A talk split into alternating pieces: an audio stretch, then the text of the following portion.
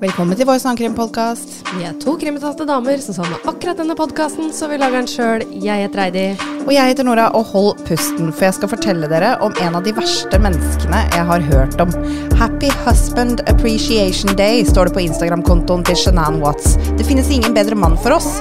Men Chris sitter inne med fem livstidsdommer, så det er bare å stålsette seg her.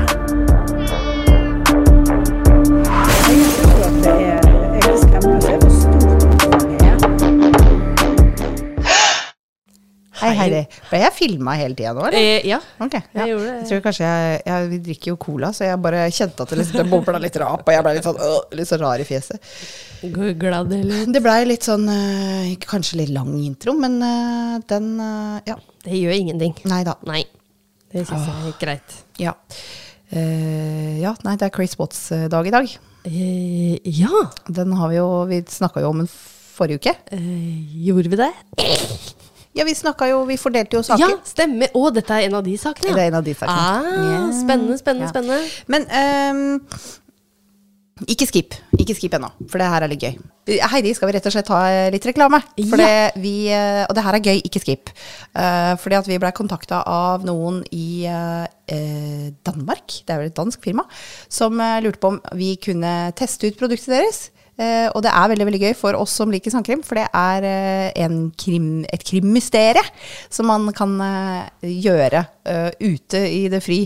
Ja, ja, ja. Det var egentlig veldig artig. Um, vi fikk jo tilsendt mysteriet gratis. Mhm. Uh, men, men det er ikke sånn at vi får liksom mm, masse penger for å gjøre det her. Nei, så det her er vår eh, ekte, sanne mening. Ja. Eh, og det, det virka som en sånn veldig ålreit uh, selskap som er nyoppstarta i Norge. Og det virka som et veld, et veldig artig konsept. ja jeg syns det. Ja, Det så var- vi, uh, vi fikk jo tilsendt da to mysterier. uh, og vi har gjort det ene. Som uh, vi kan fortelle litt om hvordan det var. Og så tenkte vi at vi kunne gi bort det andre. Ja. Hvordan skal vi gjøre det, Heidi? ja det satt jeg og lurte på. Kommenter din morsomste Nei, det blir så morbid til det innlegget her. Bare kommenter at du har lyst til å vinne. Ja. Og så trekker vi blant dere som kommenterer det, og det gjelder både på Instagram og Facebook. Ja. Um, og så får dere tilsendt et mysterium. Men fortell om åssen vi gjorde dette, da, Heidi. Eh, jo, vi Og selvfølgelig, vi må ikke fortelle løsningen. Nei, nei, nei. nei, nei. Det, men, men jeg kan jo si hva han heter. Det, Det var jo eh, Akershus festning. Vi Ja. skulle løse et mysterium der. Eller drap, var det vel. Ja. Ja. Eh, og vi hadde jo med oss eh, en venn. En Ja. venn hver. Vi hadde med oss hver vår sponsor, hver vår støttekontakt. Ja. Takk til Monique og Joakim. Ja. det trengtes. Ja. Ja. Men jeg syns det var fint, selv om vi valgte litt, kanskje litt feil dag å, å reise på. Vi gjorde jo dette under pride, vi. Det var mye folk. Ja, mye, var- mye folk og mye lyd. Mye. Ja, og vi prøvde å konsentrere oss. Nei, så vi, vi, men det var, var veldig gøy, da. Det var det. Vi, vi tok med oss denne. Det er en konvolutt hvor du får liksom alle ledetråder og kapitler i saken. Ja. Og så gikk vi da rundt inne på Akershus festning og liksom skulle finne disse områdene og samle poeng. Og de poenga vi fikk samla, de brukte vi da på slutten. fordi jo mer poeng du hadde, jo mer tid fikk du til å diskutere saken Ja. før du på en måte måtte av, avgi en konklusjon, da. Ja. Og hvem, eh, om hvem som kanskje hadde gjennomført dette greiene her. Ja. Eh, Nei, det var veldig spennende. Det var veldig gøy. Ja, det var det. Og det var en litt annen måte å bedrive helga på, eller litt Ja. fritid på. At Ja. du er ute i frisk luft, og du liksom er med venner og diskuterer mens du går. Og Kjempegøy. Jeg er ikke så veldig glad i å gå, men det her var gøy. Det var gøy. Ja, det var det. Og så var det jo veldig fint der. Ja. Så den uh, saken vi lodder ut, for de har to uh, saker De er som sagt ganske nyoppstarta i Norge. Mhm. Eh, Så de har to saker eh, da i Oslo-området, eh, og vi gjorde den eh, på Akershus festning. Yep. Og så den som vi lodder ut til dere, kjære lyttere, eh, det er eh, på Stortinget. Ja. Mm. Det er spennende. Ja, så da kan man kan gjøre det Det står at det er for én til fire spillere. Ja. Jeg, så jeg tenker du kan gjøre det aleine hvis du ønsker det, men jeg tror det er jo en sosial opplevelse, Ja. så det er veldig gøy å gjøre det sammen med noen. Ja. Og jeg tror også at man kunne fint vært fer- flere enn fire. Ja, ja, ja, ja, ja. Det ville kanskje bare tatt litt lengre tid. Ja, og så er det jo litt det at når det kommer masse meninger inn på bordet, Mm. så blir det jo litt vanskelig. Man kverulerer litt med hverandre. Og. Flere kokker, mer søl. Ja. Nei, men altså, jeg tenker eh, ta, ta med dere mysteriet. Mm. Pakk sekken med kanskje noe godt å drikke. Oh, ja, litt attåt. så ja, og så bare gå en hyggelig tur i Oslo og diskutere Ja. en krimsak. Og det er basert på eh, saker fra i Kriminalarkivet, som det står på eh, pakka. Ja. Så da regner vi med at det er sanne historier, det her. Ja, eller i hvert Eller, fall ja. basert på. Basert på. Basert det, på. det er nok det det er. Ja, for de har jo skifta et navn. Og Det har de helt ja. Men det var veldig gøy. Det var Det var liksom bilder, Ja. og det var, vi måtte finne liksom eh, sammenligne fingeravtrykk. Ja, ja, ja. Og du må ha litt den der detektiven i deg også, for vi fikk jo jeg kan si, den ene, vi fikk jo bilde av et hår, for eksempel. Ja. Uh, og det, det er litt sånn spesielt, faktisk. Bare et Ja, hår. ja, ja. Ja, og, du, og så skulle du prøve å sammenligne det med kanskje da litt sånn andre type mistenkte du har i saken. Ja. Mm, Eh, nå- Ja, det var, det var veldig gøy. Mhm. Eh, jeg, jeg tok jo opp den diskusjonen vår, jeg. Um, skal vi se Ja, om vi det. kan kanskje spille av litt grann av den? Ja. Um, ok, så vi har da kvarter på å svare på hvem vi tror er morderen, hvilke bevis og indiser vi har, har og om saken har kasta lys over andre forbrytelser enn drapet på Augusta, og hvilke bevis og indiser vi har for det. Gå videre til neste side når dere er klare til å se løsningen. Ja. Ok, så uh, Hvem tror du er morderen? Jeg, Det er han. Jeg er fortsatt på Ja, jeg er 50-50 på begge to. Jeg bare skjønner ikke hvorfor han Han har ikke noe motiv for å drepe henne. Det har Nei, jeg Problemet er at de her, Det her er må jo Det som er at de her Han driver jo med dette styret med disse prostituerte. Ja. Han har jo vært idiot nok til å på en måte vært eh, og drept hun. Men det Da blir det jo etterforskning, og han er jo den som driver dette, så han må jo få dette her inn i ja, ja. Og jeg skjønner jo, siden han er en politibetjent, Ja. og han gjør jo alt han ja, ja, men jeg bare skjønner ikke hvorfor skulle drept August. nei, det er jævla godt poeng. Det er null motiv. Nei, jeg stemmer for Skal vi gjøre det? helt sikkert feil. Oi, går vi vekk fra Nei, altså jeg er fem- jeg er 50-50. Ja, jeg er 50-50. Jeg også er 50-50. Nå er tida ute. Ok, Nei, jeg, te jeg tenker 50-50 her, altså. Nå kommer fasiten. Det var klippeslutt. Så bra slutt. Jeg, jeg klipper det til eh, sånn at vi kan få noen godbiter her, og så sensurerer jeg bort eh, navnene våre, så ikke vi avslører noe. Nei. Men Heidi, Ja. greide vi det? Mm, 50-50. 50-50. Vi, vi var 50% gode. Ja. Herregud, hadde vi bare gått med mageinstinktet fra starten av, ja, ja. så hadde vi tapt hele driten. Ja. Ja. Fader, altså, at vi må henge oss opp så jævlig i motiv og Det var det vi gjorde, vet du. Ja, vi gjorde det. Um, men det var uh, Nei, det er mye greier. Det skal, Vi skal ikke undervurdere den uh, Nei, jobben det, som gjøres av sånne kriminaletterforskere. Fy fader, ass. Det, ja, men det var veldig gøy. Det var det. Og den der diskusjonen på slutten var jo også veldig gøy. Ja, ja, ja. Eh, som kanskje høres, så satt vi på en pub. Eh, så ja. Alkoholfritt for en gangs skyld. Eh, ja, det, du, du og jeg. Ja. Mm. Vi var eh, flinke sjåfører den dagen. Ja, vi var det. Ja, nei, men eh, så folkens, eh, da det er bare å anbefale hvis dere har lyst på en litt sånn artig dag ute. Og vi har en rabattkode, så da kan dere gå inn på Ja, selskapet heter Solve a Mystery, burde vi sagt med en gang. um, og rabattkoden er eh, på 20% og koden er hold pusten 20. Eh, skriver det også i beskrivelsen av episoden, så du trenger ikke gå og huske på det. Ja, Vi har jo også fått TikTok-konto, og der har vi faktisk lagd en video om denne Det har vi. At vi var på tur i Oslo. Og der har jeg også tagga Solve a Mystery. Ja, så dere kan kikke på TikTok. Ja. Uh, og på TikTok heter vi Hold pusten pad. Hold pusten pad. Ja. Enkelt og greit. Jeg kan linke den i kommentar i beskrivelsen av episoden også, jeg. Ja. Jeg pleier jo å linke Facebook og Insta. Da kan jeg linke TikTok også. TikTok også. Og så kan dere kikke på både oss og på Solve a Mystery hvis dere er interesserte. Artig, artig greie for eh, de som eh, er litt interessert i sangkrim. Ja. Ja. Um, ja, skal vi gå på sak? Ja, gå på sak. Eh, denne saken er eh, så jævlig. Og den, den gjør meg så forbanna at det bare koker inni meg. Jeg hadde ikke klart å finne nok kjipe adjektiver for å beskrive denne rasstappen om jeg så hadde sittet i et år og skrevet det ned. Jeg har vært inne på denne sjøl. Jeg hørte vel først om saken i en episode av podkasten Red Handed, men jeg tror også jeg så en YouTube-video om denne saken. Uh, hun der er Kendal Ray, tror jeg. Ja. Eh, Men i tillegg da, så har vi jo fått den innsendt. Vi nevnte den jo forrige uke, og vi har fått tips om denne av både Tor Arne og Charlotte. Så nå skal jeg bare fortelle dere om han jeg mener er et bedragelig menneske helt uten sidestykke. Uh, Shannan, altså Shanann, ikke Shannon, Shannan. er født i 1984 og er fra Aberdeen i North Carolina. Chris, Christopher Watts er født i 1985 og er fra Spring Lake, også North Carolina. Uh, Shanann sin store drøm var å eie et hus, og bare 25 år gammel bygde hun sitt eget hus. Wow. Ja, det er sjukt, ass!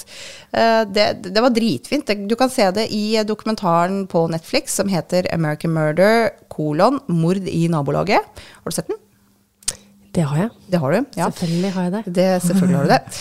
Uh, hun, eh, etter at hun bygde huset sitt og sånn, så møtte hun Chris, og hun sier hun kunne ikke bedt Gud om en bedre mann. Chris sendte Shanann en venneforespørsel på Facebook i 2010, og Shanann godtok. Hun tenkte ja ja, hvorfor ikke? Jeg kommer aldri til å møte han sikkert, men eh, de kan jo alltids knytte kontakt. Det var litt mer sånn i, før på Ja. Facebook, var det ikke det? Jo. Man var litt mer eh, ukritisk. Ja. Ja, og noen la det til som en ja, ja, ok. Um, Shanann går på dette tidspunktet gjennom den mørkeste tida i livet sitt. Hun har lenge følt seg dårlig, og har akkurat blitt diagnosert med lupus, en autoimmunsjukdom. Uh, hun sa opp jobben hun hadde hatt i ni år, og mista mange venner som ikke skjønte hva hun gikk gjennom. Hun bruker mye tid på nettet, og får nye venner der. Uh, altså bruker mye tid på sosiale medier, da.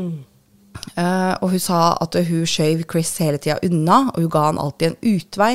Hun tenkte sikkert at det- hvorfor skal, han, hvorfor skal dette bli noe, liksom? Hvorfor, uh, hun hadde sikkert eh, liksom ikke helt tillit til at hun var et, et skup, da. Ja. Tror du ikke det? Jo. Eh, så hun sier at hun avviste han, hun pinte han, men eh, etter hvert så møtes de. Og han fulgte henne til og med på en kolonoskopi. Eh, ikke akkurat noe du tar med en mann du er gira på, eh, men han blei med, og han blei værende. Fordi han var den rette for henne, som hun sier sjøl. Som sagt så er Shanann veldig aktiv på nettet, og hun gjorde masse videoer på Facebook. Og det fins utallige klipp med hun hvor hun snakker om livet sitt, hvordan hun møtte Chris, og alt mulig, egentlig. Men alt er jo veldig rosenrødt, da. Ja. Du husker jo åssen Facebook var før. Ja. altså, kanskje spesielt i 2010, men egentlig i, i stor grad fortsatt. Eh, alt er liksom så perfekt framstilt. Men jeg føler dette var mer før, da. At det var om å gjøre å være så perfekt. Eh, og det var ikke nødvendigvis så viktig å være ærlig og direkte, men om å gjøre å stille seg sjøl i best mulig lys. Og det her er, sier jeg ikke for å disse Shanann, for hun virker som en fantastisk person. Jeg bare nevner det, fordi videoene er utelukkende positive. Og seinere så kommer det jo fram da at de har hatt litt problemer seg imellom, Chris og Shanann. Og det fins det selvfølgelig ikke noe spor av på Facebook. Selvfølgelig ikke. Nei. Eh, De gifter seg to år etter de møttes, i november 2012. Eh, De eh, tok en liten tur, eh, en liten sånn ferietur, til en by som heter Fredrik i Colorado. Og de bare forelsker seg i området. Har, du, har du sett eh, Colorado? Ja, du har jo sett den dokumentaren, ikke sant? Ja. Altså, jeg har jo Ja, ja. aldri vært der, liksom. Men jeg, jeg har en sånn guilty pleasure, som vi har snakka om før, å se på eiendomsprogrammer. Oh, ja. Og det er blant annet et på Discovery som eh, heter noe sånn log cabin. Altså det er bare sånn tømmerhytter. Yes. Og jeg elsker det programmet. Det er så flott. og det er så utrolig fint. Og det, eh, der er det veldig mange tømmerhytter da, i Colorado, og det er bare så sjukt fint der. Det er et fantastisk landskap. Uh, så jeg skjønner jo godt at Shanann og Chris forelsker seg i det området. Så de kjøper et stort hus her med fem soverom, og bare ett år seinere får paret sin første datter, som de kaller Bella. Og i 2015 får de datteren Celeste, som de bare kaller Sisi. Det virker som en helt typisk familie. Og på nettet så er de jo perfekte, da. Shanann deler masse bilder og videoer av de to nydelige døtrene sine og Chris, som framstår som en dedikert ektemann og pappa. Hun omtaler Chris som sin beste venn, sin største støttespiller, sin klippe i livet og mer enn hun noen gang kunne ønska seg. Og Shanann deler også at hun er gravid igjen, og denne gangen så venter de en gutt som de skal kalle Nico i 2018. Um, jeg skal spille av litt lyd igjen. Um, det her er um, Bella som synger en sang. Her eh, synger Bella en eh, sang, hun eldste datteren, om eh, pappaen sin. Jeg er litt usikker på hvilket år dette er fra, men hun er nok en ja, tre, kanskje fire år. My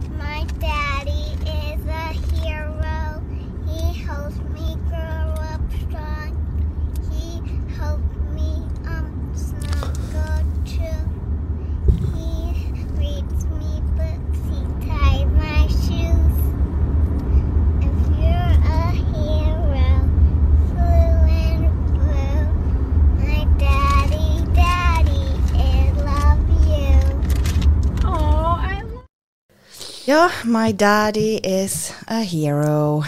Mm. Uh, nå uh, jobber Shanann hjemmefra. Hun selger uh, Thrive for en MLM som heter Level. Du vet hva jeg mener når jeg sier MLM? Multi-level marketing. Nei. Det er, altså, du har sikkert vært borti det før. Det er sånn type sånn som Tupperware og Mary oh, Kay og sånt. Og det er alt ja. som foregår i home parties. Multilevel, fordi at du har gjerne en over deg og en under deg. Sånn type greie. Hjemmesalg. Har du, har du gjort det sjøl? Eh, Nei, du jeg har ikke gjort det, men jeg har vært på mange. Det har Ja, jeg. ja. Jeg, jeg har faktisk drevet med Mary Kay. Jeg har, Ja. Og elska Mary Kay. Ja, jeg òg. Helt til de begynte å selge sin i Kina. Ah, Da, der må man teste på dyr for å komme inn på markedet, så da slutter jeg. det skjønner jeg. Og, Ja. ehm, nei, men uh, i hvert fall, det, det gjør Shenan. Hun uh, jobber uh, hjemmefra med Thrive. Jeg tror det er noe sånn derre Det er noe helsegreier. ja. Sikkert, altså Tenk litt sånn Herbalife eller noe sånt. noe. Uh, ja. uh, og Chris han jobber med olje og gass for uh, noe som heter eh, Anadarko Petroleum. Jeg har lest et eller annet sted og tatt det med meg, og jeg sier det hele tida også, at tegnet på et godt forhold er fraværet fra sosiale medier. For det er noe med det at når du skal være så sjukt positiv og utbroderende med forholdet ditt på sosiale medier, så slår det meg litt som sånn derre fake it till you make it-greie. Ikke sant? At uh, kanskje man egentlig prøver å overbevise seg sjøl mest om at ting er så jævlig bra. ja. Det kan også derimot være et rødt flagg hvis vedkommende du er sammen med, ikke legger ut en dritt om deg òg. Ja da, ja da, det er greit at man ikke er gjemt, liksom. Eh, ja. Men, men jeg mener når man er Ja. så veldig sånn wow, Man trenger å, ikke å legge så ut alt. Nei, også, også det å være så Nei, det er noe med det, altså. Ja, ja, ja. Hvis noen skriver sånn derre over overveldende positiv eh, post om eh, kjæresten sin en gang i uka, så blir jeg litt sånn mm, Hvem er det du prøver å overbevise? Ja, ja, det er sant. Ja. Kanskje gjør det på bursdagen til vedkommende Ja, istedenfor. ja, ja, ja. Nei, men uh, jeg, jeg, jeg føler det kanskje er litt sånn, da, med Shanann og. Chris. I 2015, samme år som Sisi er først, født, så går de faktisk eh, konkurs med over 400 000 dollar i gjeld. Oh, wow. Ja. Det er ingenting som gjør et forhold mer anstrengt enn dårlig økonomi, og det er faktisk en av de største årsakene til skilsmisse. Og problemene til Shanann er, og Chris er godt dokumentert via skjermbilder av meldinger sendt til venninner, men jeg må nevne det var spesielt da det siste året, i 2018. Eh, spesielt til venninna Christine så sender Shanann mye meldinger. Hun og døtrene dro til Nord-Carolina på ferie for å besøke familie den sommeren i 2018. For de er begge derfra, de har familien sin der. Eh, De skulle være der i fem uker, men eh, mens Chris eh, jobber, så skulle han komme dit da, og være der den siste uka sammen med dem. Og Shanann skriver da mye til venninna si at hun syns at Chris virker som en helt annen person. Hun skriver at han vil ikke ta på henne, han vil ikke kysse henne, og han er følelsesmessig kald. Um, altså, han er skikkelig dårlig på å ringe og sende meldinger og sånne type ting, ikke sant. Eh, og nå hørte jeg seg litt ut som hun i parterapi, Sofie, Elise, nei, Sofie Eline. Ja. ja. Og sånn der tang. da setter jeg ikke Ja. Han sendte aldri melding og sånn der tang. Ja. Det hørtes ut som meg. Sorry. Det var ikke meninga å, å bli usaklig her. Um, men i hvert fall, Shanann uh, skriver jo det til venninna si, uh, og hun sier også at han vil ikke ha barnet hun bærer på. Nei. Jo! Han sier at han er lykkelig med bare de to døtrene de har. Og han sier at uh, han tror kanskje ikke de er så kompatible lenger. Så han, han ønsker ikke barnet hun er gravid med. Og jeg bare tenker, hva, hva prøver du å oppnå det med det? Ja. Hun er jo for faen allerede gravid. Ja, akkurat som hun har et valg, liksom. Ja, hva skal hun gjøre med den Ja. informasjonen, da?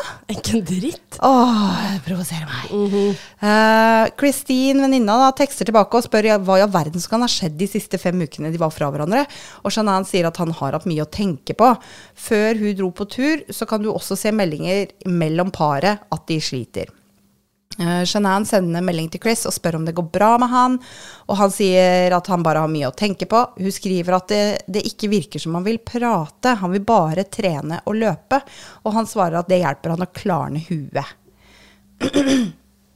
Shanann sender en melding til Chris når hun er på ferie med barna. Hun skriver, eh, fritt oversatt av meg her, eh, Jeg har innsett i løpet av ferien hva som mangler i forholdet vårt. Det er bare enveis kommunikasjon av følelser, og jeg kan ikke komme hjem igjen sånn her. Jeg trenger at du møter meg på halvveien. Du bryr deg ikke om andre i det hele tatt, og du tenker ikke på andres følelser. Og Chris svarer at han er lei for det og at han elsker henne. Og Shanann skriver, jeg prøver å gi deg litt space. Men mens du jobber og lever ungkarslivet, så diskuterer jeg daglig med døtrene våre og bærer vårt tredje barn, og jeg jobber og prøver å tjene penger for oss. Det er ikke vanskelig å bare tekste at du savner meg og elsker meg, og hvis ikke du mener det, så skjønner jeg det, men da må vi snakke sammen.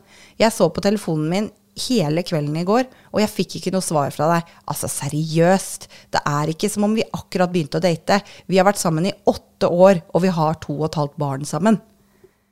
Herregud, så bra skrevet. Ja, det var veldig bra skrevet. Ja, bra oversatt, Nora. Jo, takk, takk, takk. I tillegg så kan jeg nevne at de hadde en liten konflikt eh, under ferien også. Uh, Shanann hun har faktisk eh, hun har aldri kommet godt overens med svigers. Faktisk så kom ikke de i bryllupet hennes. De kom ikke i bryllupet deres i det hele tatt. Er ikke Nei. det jævlig ræva? Um, det er spesielt svigermor som mener at Shanann er dominant og ikke noe hyggelig med Chris. Og Chris han virker som en jævla tafatt type når de gifter seg, syns jeg. Og Shanann hun er nok mer bestemt.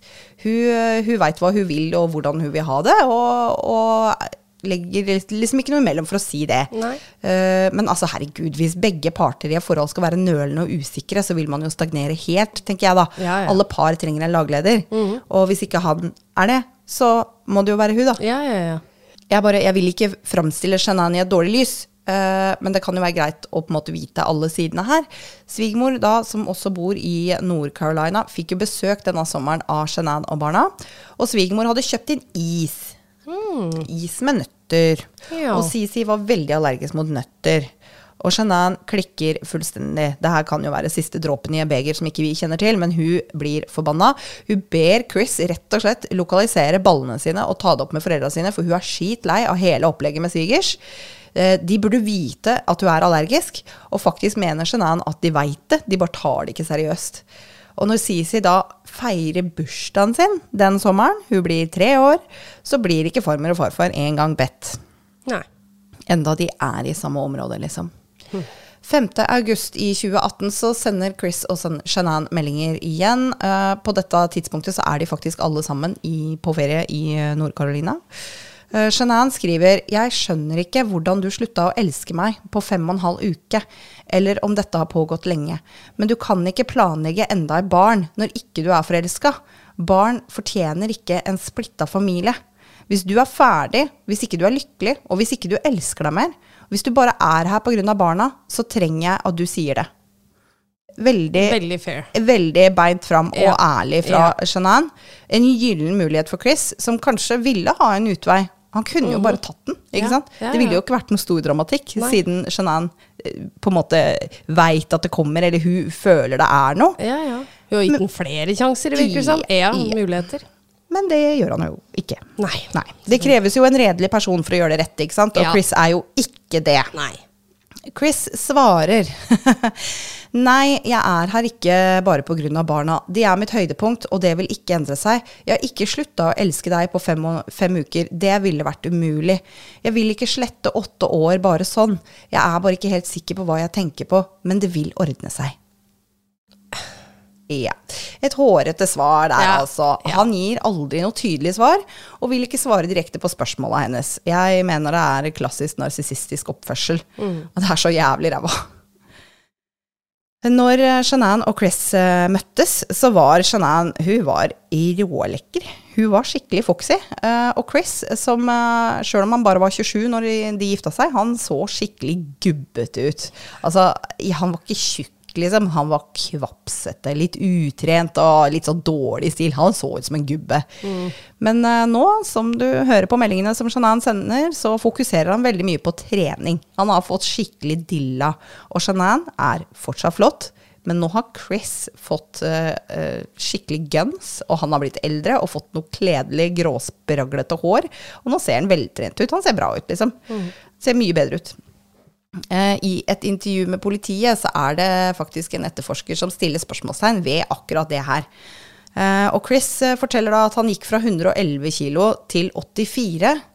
Og etterforskeren sier at ofte så ser de en sånn helomvending hos enten de som er utro, eller de som skal være utro.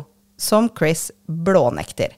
Men som Shanann sa, han var hjemme og levde ungkarslivet, og der traff hun spikeren rett på huet. For det er akkurat det han gjør. Han har nemlig treffet ei anna på jobb, eh, som heter Nicole Kessinger. Så mens kona er borte med barna, så drar han og Nicole ut på dater som om han var singel. Og de drar på turer til nasjonalparker og besøker museer, og de er ute og spiser. Og denne sommeren får Chris en smak på livet sitt, på livet, uten familien sin. Og uten barn. Mm. Jepp. Eh, altså Jeg bare skjønner det ikke. Fordi at det, altså, han, han har jo Hun står jo og holder utgangsdøra åpen for ham. Jeg veit. Hvorfor går du ikke bare, da? Nei.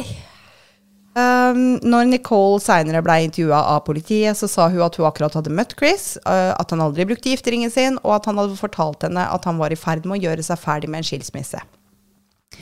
Når familien kommer hjem fra Nord-Carolina, så drar Shanann videre til Arizona for en jobbreise.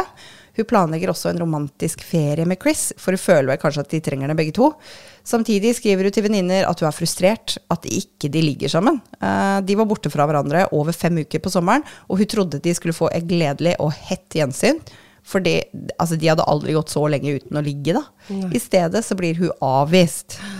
Hun undrer til venninna si om kanskje han har fått noe på sida, men hun ikke sånn seriøst. Hun slår det liksom fra seg, for det kunne han jo aldri gjort, ikke sant. Eh, men denne romantiske ferien da, som Shanann hadde planlagt, det skulle aldri bli noe av, for innen da vil både Shanann og barna være døde. Dessverre. ja. Så som jeg sa, så dro hun rett til eh, Arizona på en sånn jobbkonferanse.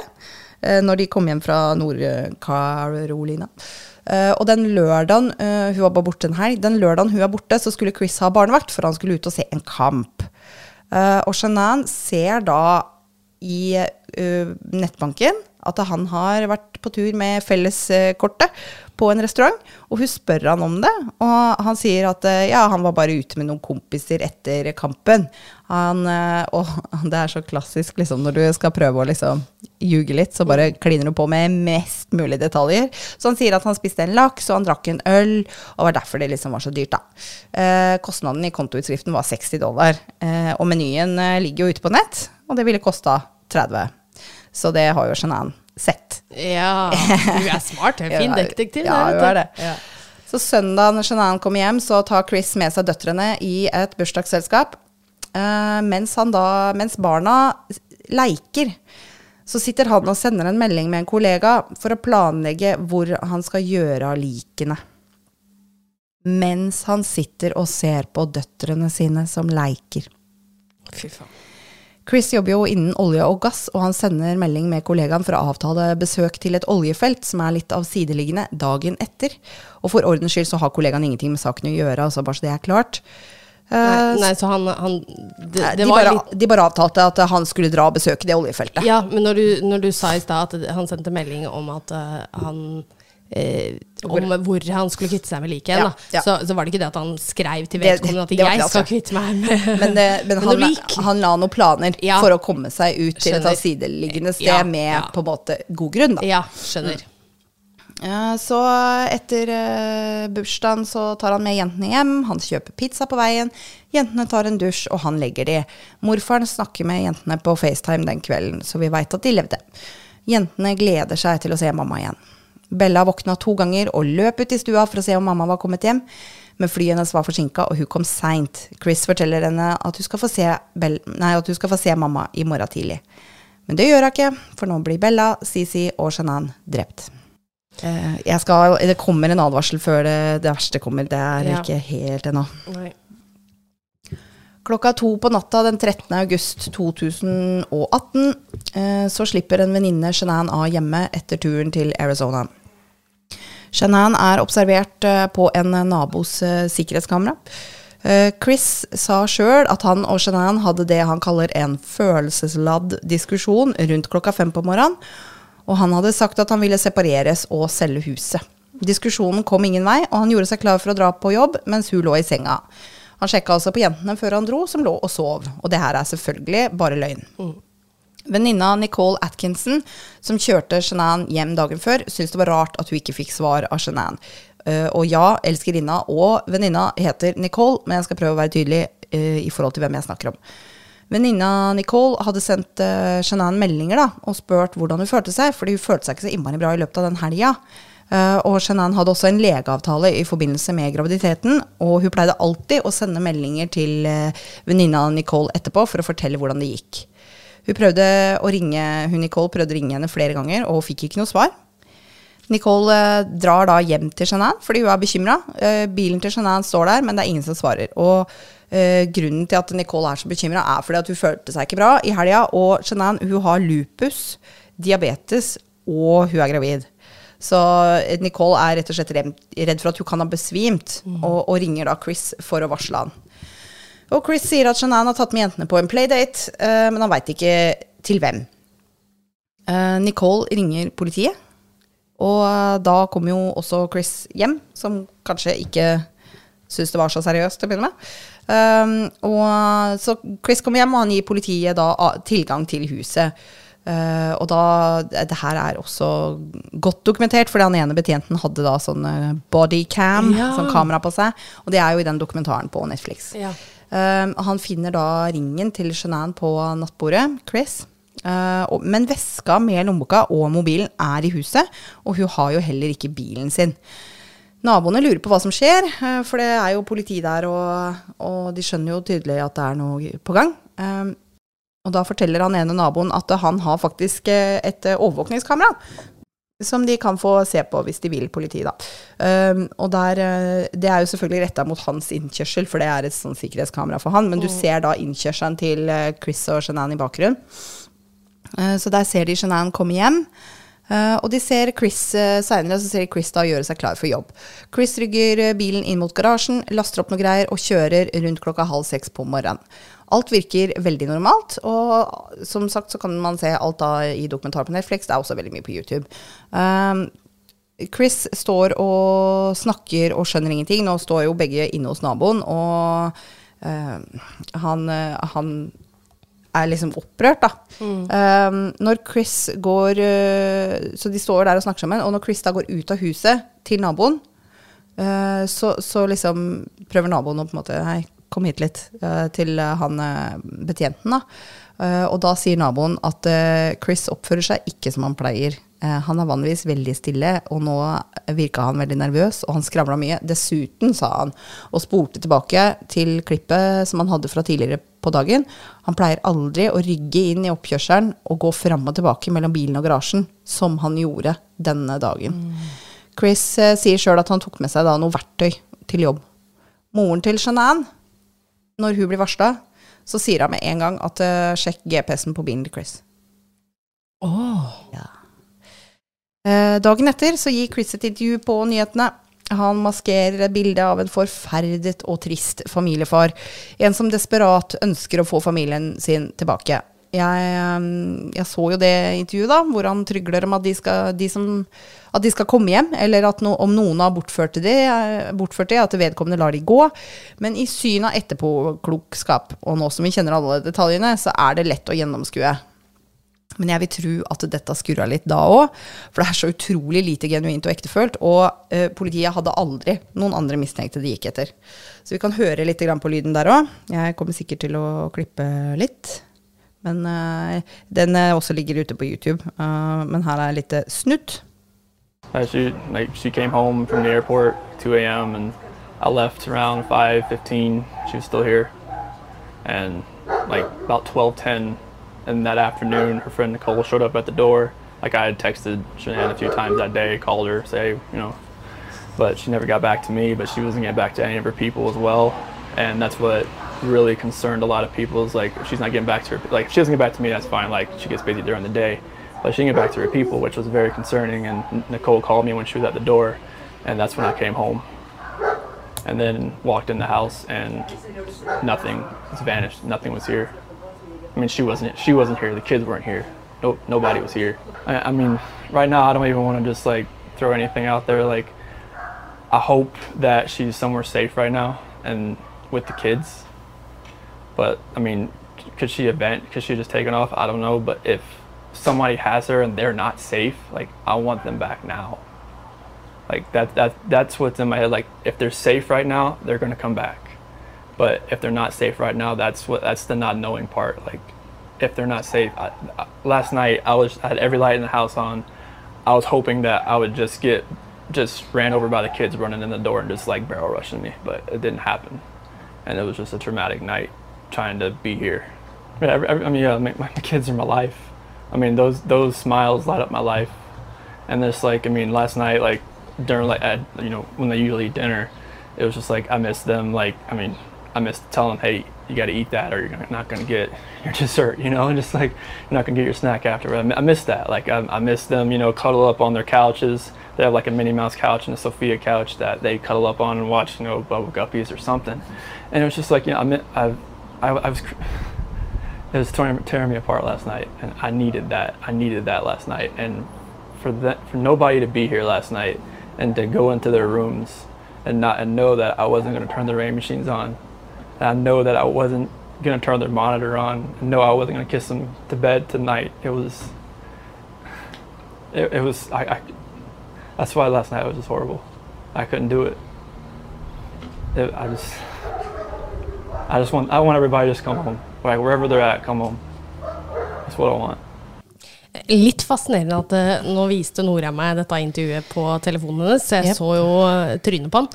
Eh, jeg merker at det, hver gang han For det første så er jo dette innøvd, det merker jo på han. Dette har han tenkt lenge på. Det er dårlig innøvd. Det, er jo, det henger jo ikke på greip. Nei. Han bare eh, Ja, nei, jeg veit ikke. Jeg håper jo de er trygge. Det er det med Ja. å ikke vite Uh, Altså, det Jo da, men han har liksom planlagt litt sånn tid og greier, og alt det hva han skal si på forhånd, Mm. uh, virker det som. Også, men det jeg la merke til, vet du, han hele tida rister på huet. Ja, han gjør Bare, det. Jeg Han håper de skal komme hjem, og så ja, bare sånn rister han nei. ja. Ja, Og, det, og vi har jo sett litt grann sånne der psykolog, psykologanalyser av kroppsspråk. Ja. Og det er den derre mikrobevegelsene. Ja. For det er, ikke, det er ikke veldig Altså, ja, han er litt sånn derre Han står og vrir seg litt, og han, Ja, han, han ser litt ukomfortabel ut. Ja. Men altså, han er ikke vant til å være foran kamera. det er en ukomfortabel situasjon.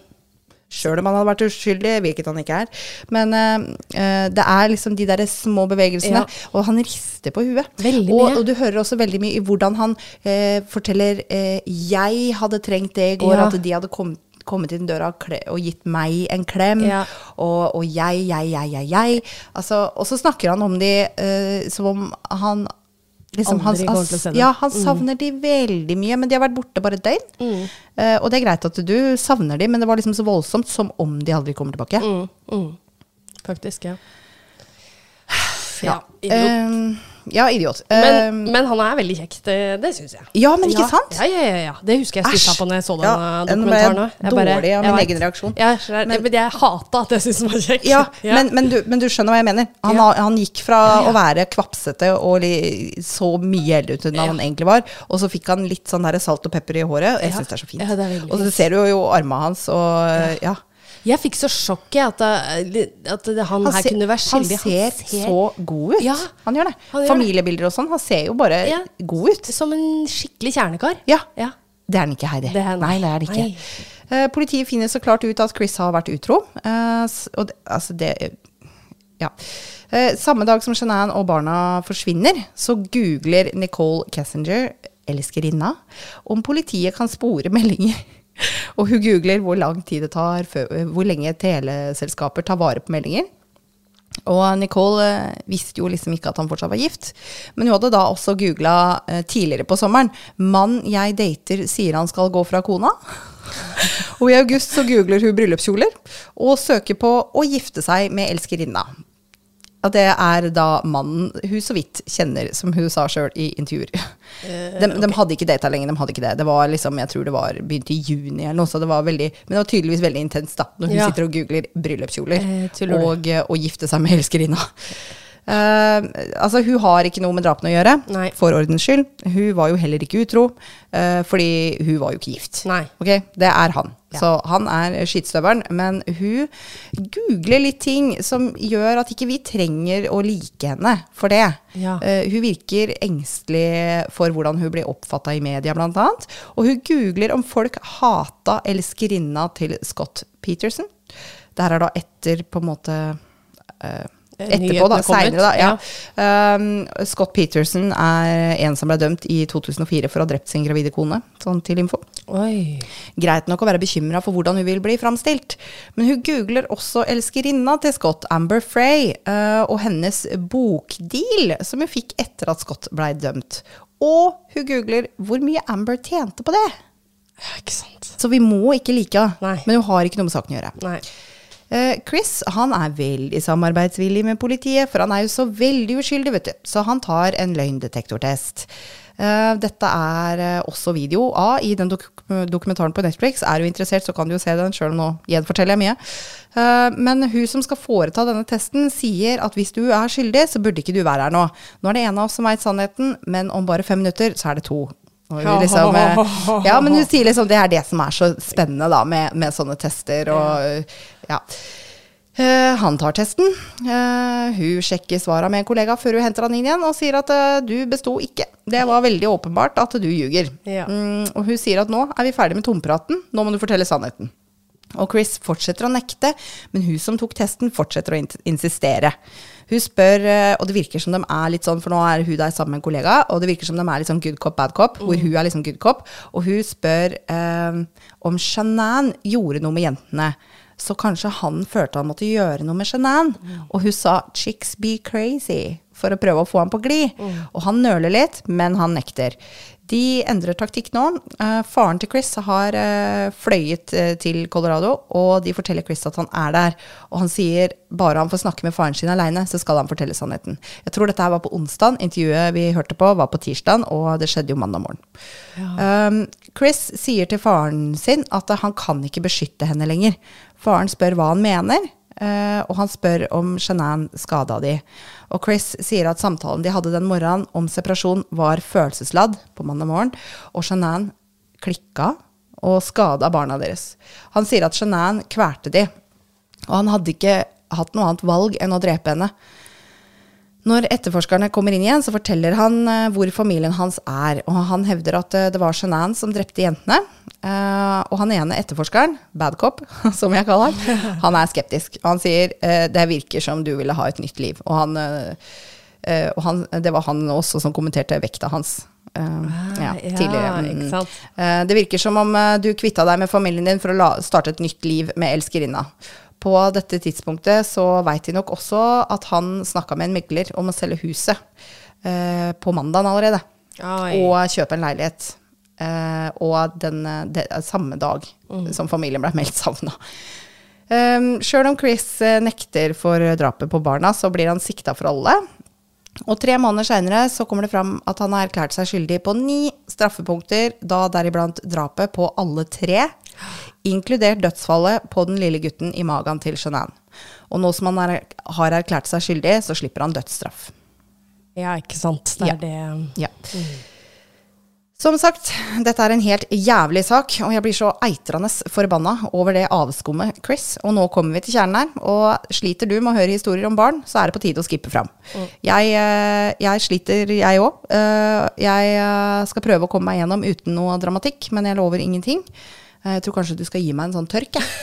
Sånn i tilfelle det kommer litt tårer. Det er um, Jeg grein i stad bare du tok den uh, Ja. videoen av hun som sang. Av hun som liksom. sang. Herregud. Um, jeg er usikker på hvor mye av det som jeg nå skal lese, han innrømte da, før rettssaken, men det er mye som har kommet ut i ettertid også. Så dette er fra rettssaken? Ja, det er det, Ja. det, er det. Og også det er mye som har kommet Ja. ut i ettertid, så jeg er litt ja. usikker på på en måte Skjønner. Jeg har sjekka masse kilder, så det går litt i surr. Men det her er i hvert fall sånn han uh, sier det gikk til. Ja. Så han forteller at når Shanann kom hjem på natta, så tar hun initiativ til sex, og de ligger sammen. Ikke sant? Endelig. For Shanann har jo følt det har vært noe gærent lenge, så hun er jo hypp, da. Eh, når Chris våkner for å dra på jobb, så forteller han at han vil ta ut en separasjon. Uh, og bare så du veit det, jeg kommer til å legge til litt flere detaljer om akkurat dette her seinere. Uh, men dette her er det han først sier. Eh, han sier Shanann blei kjempesint og sa at eh, Og da liksom hun har prøvd å gi han en utvei så mange, ganger, men når han nå sier det, så blir hun kjempesint og sier at du kommer aldri til å få se barna, barna dine igjen. Og det var da han kvalte henne. Og så kommer Bella inn i rommet når Shanann er død. Og hun lurte på hva som var galt med mamma. Og han tulla Shanann inn i et laken og bærte henne ned. Eh, Det var nå han rygga inn bilen og bærte henne ut i bilen. Og Shanann ligger på gulvet i baksetet, og jentene ble plassert i bilen. De lurte på om det gikk bra med mamma, og Chris sa det kom til å gå bra. Mamma bare føler seg ikke bra. Han eh, kjører mot oljefeltet. Jentene sitter og halvsover. Han sier at han hele livet hadde ønska å bli pappa, og han skjønner ikke hvorfor han gjorde det han gjorde. Han sier kjøreturen var mellom tre kvarter og en time, og han hadde god tid til å ombestemme seg. Når han kommer fram, så tar han Sisi først. De har begge med seg koseteppe. Han tar teppet over fjeset hennes og kveler henne. Og Bella lurer nok på hva som skjedde med Sisi, og han sier han hører det hver dag i huet sitt. Bella som sier 'daddy, no'. Å, fy faen. Eh, Etter at han har begravd Shanann og dumpa jentene i oljetanker, så ringer han skolen til jentene og sier at de skal bytte skole, de kommer ikke tilbake. Og så det er også nå han ringer en eiendomsmegler. Under rettssaken så gir begge bestemødrene en uttalelse. Det er helt, var helt forferdelig å høre på. Det er så jævla trist. Dommeren eh, Marcelo Altså, jeg må bare si det. Eh, mora til Chris. Eh, ja, det var en trist uttalelse fra henne også, men hun snur seg også mot Chris og sier at de tilgir han. Dommeren eh, Marcelo Kopkov sier at dette er den verste og mest umenneskelige saken jeg har vært borti, av alle de tusen sakene han har hatt. Og det er ingenting annet enn lovens strengeste straff som vil være tilstrekkelig. I eh, USA så blir tre kvinner drept hver eneste dag av en partner eller en eks. De eh, som også dreper barna sine, er nesten alltid menn, og dette er nesten alltid planlagt. Chris har skrevet brev med en forfatter fra fengsel, um, Sherilyn Sherilyn eh, K- Cable, var det det hun het? Um, hun, skrev, hun skrev en bok om saken og uh, breva uh, som heter noe sånt som 'Letters from Christopher'. Men så hørte jeg akkurat, det har jeg ikke rukket å dukke ned i, men jeg hørte akkurat at den boka blei uh, trukket eh, igjen, fordi at det var mye plagiat i den. Men hun har skrevet masse brev med han, eh, sånn at hun har på en måte kanskje plagiarisert litt deler som hvor hun skriver, da. Det var første boka hennes. Ja. Eh, men hun har skrevet en bok til, eh, sånn at jeg tenker kanskje jeg skal lese den, så kanskje vi kan ta en sånn eh, bokrapport eh, en annen episode. Men jeg trodde at det ikke var lov å tjene penger på en dom du har fått. han tjener ikke penger. Nei, ok. Han tjener ingenting. Nei. Hun frista han med at jeg har lyst til å, å, å skrive jeg har lyst til å skrive en bok om denne saken, Mm. og jeg lurer på hva eh, Om du kan bidra, Mm. og, og mot at du får bidra, så, så kommer jeg til å la det være et kapittel til deg, da, hvor du Skjønner. kan komme med din, Din- din, din versjon. Ja, ditt uh, testament eller ettermæle eller Ja. ja. whatever. Han er liksom Han er blitt kristen, og herregud. Mm. Uh, men uh, i disse breva så skriver han at han hadde tenkt på drapet på kona i noen uker før han gjorde det. Og han fortalte også, nå kommer den lille ekstra detaljen, at han eh, først eh, Altså, det heter ikke å kvele, hva heter det? Smothered på engelsk. Han tok puter over fjeset Ja. til barna sine. Smadre? Nei, altså- eh, Du kutter jo luftveien til noen, men det er jo Ja. ikke det samme som å kvele. Det er ikke kvelertak, liksom. Men nei. Oi. Sorry. Ja. Nei, um, han uh, prøvde i hvert fall først å kvele barna sine på soverommet deres med puter. Som han la over fjeset deres og, ehm, og kutta av luften. Så går han til Shanann, tilbake i senga. Og det var da de begynte å krangle. Det var da han sa at eh, jeg vil ta ut separasjon og greier. Etter at han hadde tatt barna. Og han fortalte hvordan øya til Jeanette fylte seg med blod, og maskaraen rant. Men jentene hadde bare besvimt, så de våkna igjen og fulgte etter han når han bærte moren deres ned i stua og tulla inn i lakenet. Bella hadde blåveiser rundt begge øya, og de så veldig medtatt ut, begge to. Han forteller videre at han kvalte jentene igjen da, når de kom fram til stedet han skulle dumpe de. At Bella spurte han om han skulle gjøre det samme med henne som han gjorde med Sisi, og at det bare var Bella som gjorde motstand, som om hun skjønte hva han skulle gjøre, og at hennes siste ord var Jeg klarer ikke. Hennes siste ord var 'daddy, no'. Eh, nå hørte jeg akkurat en video på YouTube, for jeg, er, liksom, jeg, jeg er så fascinert av denne saken. Jeg syns det er helt jævlig. Men, men jeg bare skjønner ikke hvordan noen kan gjøre noe sånt nå. Nei. Så jeg har liksom kikka på dette her i flere dager, og seinest i stad, hvor det var eh, Da var det det hadde kommet ut også fra hun Sherilyn, da, at, eh, og dette her har jeg ikke fått eh, dobbeltsjekka, men eh, hvor det var eh, en eh, YouTuber, Armchair Detective, som han kaller seg, eh, som hadde skrevet eh, med Sherilyn, hun forfatteren, hvor hun hadde sagt det at han hadde også eh, skrevet til henne at eh, han, eh, han dumpa jo jentene i oljetanker, eh, og han hadde da båret Sisi opp trappa til en oljetank med Bella gående etter seg, Nei. og kvalt henne på toppen, etter at han hadde putta Sisi i tønna. Jeg har som sagt ikke dobbeltsjekka dette. Nei. Eh, De tønnene hadde for, for øvrig, jeg tror det var åpningen på de tønnene var 18 cm. Så hun Bella som var fire år, hun hadde jo skrubbsår for at han hadde trøkka henne ned i det hølet. Um, Faen, ass. når han dumpa liket til Shanann i hølet han hadde gravd, så, hadde hun, eh, så så han at hun hadde mista barnet. Og han kjente fortsatt at han var sint på henne. Hun landa med fjeset ned, men han gadd ikke rette opp. Han blei skikkelig forbanna. Han bare 'fy faen, her har du født også'. Åh. Han forteller at når han la jentene den søndagen, den kvelden, så tenkte han 'dette er siste gang jeg brer dyna rundt dere'. For han visste hva som skulle skje dagen etter. Så bra. altså, Um, og så måten han gjorde det på òg. Ja. Det er det som er så makabert. ja. Altså, ikke det at uh, uansett hva han hadde gjort, så hadde det vært ille. Men uh, gi dem sovepiller, da. ja. Nei, ikke at jeg skal komme med forslag Han nå, altså, men nei, men også, Nei. hadde han, han hadde også prøvd å få Shanann til å spontanabortere. Han hadde gitt henne dop, liksom. En Ja. sånn oxycodin eller noe sånt, for å få henne til å spontanabortere i eh, ja. flere ganger. Men uh, hadde ikke fått det. Nei, og det er så personlig det å kvele noen nå. Du ser dem i øya Ja, når du gjør det her. Nei, fy faen, ass. Ja, jeg, det er godt han eh, er bak lås og slå. Han fortjener faen meg dødsstraff for det som er. Eh, han, for, han har ikke livets rett, i hvert fall. Nei, nei, nei. Eh, han uh, fikk noe sånn som fem livstidsdommer pluss eh, 48 år, sånn at, Ja. og helt uten prøveløslatelsesmuligheter, så han kommer aldri ut igjen. Kanskje det er bedre. Da kan han pine seg der inne istedenfor. Og jeg tror ikke barnemordere klarer seg så godt i fengsel. Nei, nei. han var eh, Nå veit jeg ikke åssen det står til i dag, Nei. men han var eh, i den første tida så var han eh, adskilt fra Ja. eh, general population. Han, ja.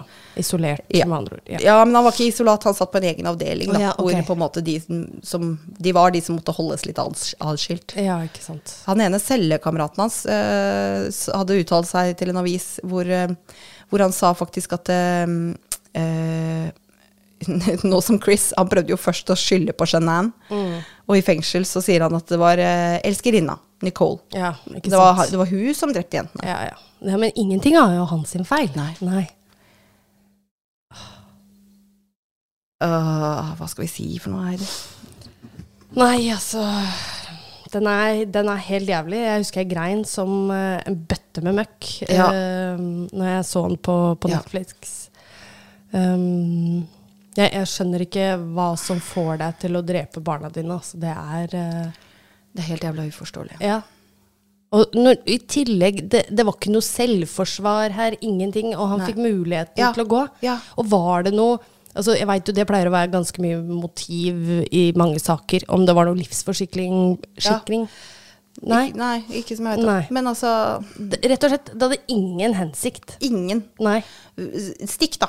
Ja. Be om skilsmisse og være en deadbeat dad. Ja. Bare stikk. Ikke ta deg av barna dine. Ja. Bare stikk fra alt. Eh, Og har han noen gang forklart det? liksom? Var det fordi at han ikke klarte å se eventuelt ungene sine og den ny, eller gamle kona sammen med nye, eller ny mann, da, eller? Hvis hun gikk Han, videre? altså, han ville jo Han ville jo starte et nytt liv med Nicole. Mm. Um, Og og, det det, er og det var motivasjonen, på en måte. Ja. Og han, eh, han kjenner at eh, han, han forteller at han, han kjente på et sinne når han så Shanann, men også barna. Ja.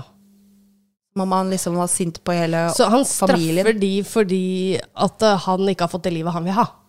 Typ. Ja. Men jeg skjønner ikke. Hva mer kan du ønske deg? da? Nei, nei, nei, jeg veit. Jeg skjønner det ikke. Nei, nei det, er det, det er det jeg ikke skjønner, fordi Hva skal jeg si? Ja, hvis, hvis du ikke har barn, så er det på en måte det greit. Men altså, det er det samme som jeg har jo eh, Hvis jeg hadde fått noe barn, da Herregud, det hadde jo betydd, betyd alt for meg, hvis Ja, du skjønner. ja. Det er sånn morsinstinkt, og det, det tror jeg kommer fedre òg, altså. Ja. Det, nei. Så hvordan i helsike folk klarer Nei, jeg, jeg skjønner ikke. Det er, det er så ubegripelig, da. Da, da. Jeg skjønner folk kan drepe i selvforsvar og, og sånne ting, men nei. Han har hatt et perfekt liv, liksom. Ja. Ja, litt økonomiske problemer kanskje, men eh, det kommer man seg alltid opp igjen fra. Ja, nei, eh, jeg vet ikke hva jeg skal si. Nei, det er nei. utrolig, det er helt uforståelig. Ja. Uh, og det er ingenting uh, noen kan si som Nei. gjør det greit. Nei. Eh, han sitter inne for alltid. Så Ja. Er dere får trøste dere med det. Ja. ja. Du måtte ta en så jævlig sak, Nora. Det er ikke min skyld. Det er Tor Arne og Charlotte sin skyld. Åh, lytterne våre, ass. Åh, Ja, ja. Jeg liker jo ikke dette med barn. Helvete. Nei, det er en stund siden vi har grinet på direkten var eh, Sylvia Likings var jo ekstrem. For, men, eh, forløsende. Ja, det er litt deilig òg, Gråt, da. gråt skvett. Eh, litt, løft, litt på trykket. Le- le- lette litt på trykket, ja. Løfte litt, faktisk. Oi, oi, oi. Uh, ja, nei. eh, det kommer noen bilder, eh, vet dere, på Instagram og Facebook. Mm. Han jævla idioten. Men uh, litt hyggeligere, da. Ja. Uh, den konkurransen vi skal ha, Ja, det ja. mysteriet vi lodder ut, Ja. vi lar den ligge aktiv i to uker, da. Så tar vi trekning neste gang vi spiller inn. Smart. Så gjør vi det på direkten. Ja, og så tar vi det, disse Da blir det på, på, på det innlegget som vi Ja. legger ut med bilder da, til på- denne episoden. Ja, både på Instagram og Facebook. Bare Ja. kommenter 'jeg vil vinne'. Ja. Ja. jeg vil vinne. Ja, Ja. det holder. Eh, Det er, det er lurt om du bor i Oslo-området, eller om du kan ta deg til Oslo Ja. eh, på eh, smidig vis, for det er i Oslo. Ja. Ja. Det er det. Og i hvert fall, ja, det funka jo bra for oss fra Drammen inn til Oslo. Ja, ja, ja. For så vidt Lillehammer, Hamar, det går jo fint det. Å ta en lørdag, eksempel, når du Ja, er fri. ja, ja. Ta med deg en vennegjeng, og så koser deg en liten dag i Oslo. Ja. ja, det er gøy. Det er gøy. Genialt konsept. Det er genialt. Ja. Moro var det. Ah, Herregud. Eh, ja, nei, eh, kom dere ut i eh, godværet. Håper jeg det fortsatt er på lørdag også. Ja. Kom dere ut i godværet, senk skuldra, tenk på noe annet. Ja. Og ikke tenk mer på det her. Nei. Nei. Nei. Nå er vi ferdig, Nora. Nå er vi ferdig med det. Ja. ja. Ja. Så flott. Vi snakkes neste uke. Det gjør vi. Ha det. Ha det. det er ikke den Ha det.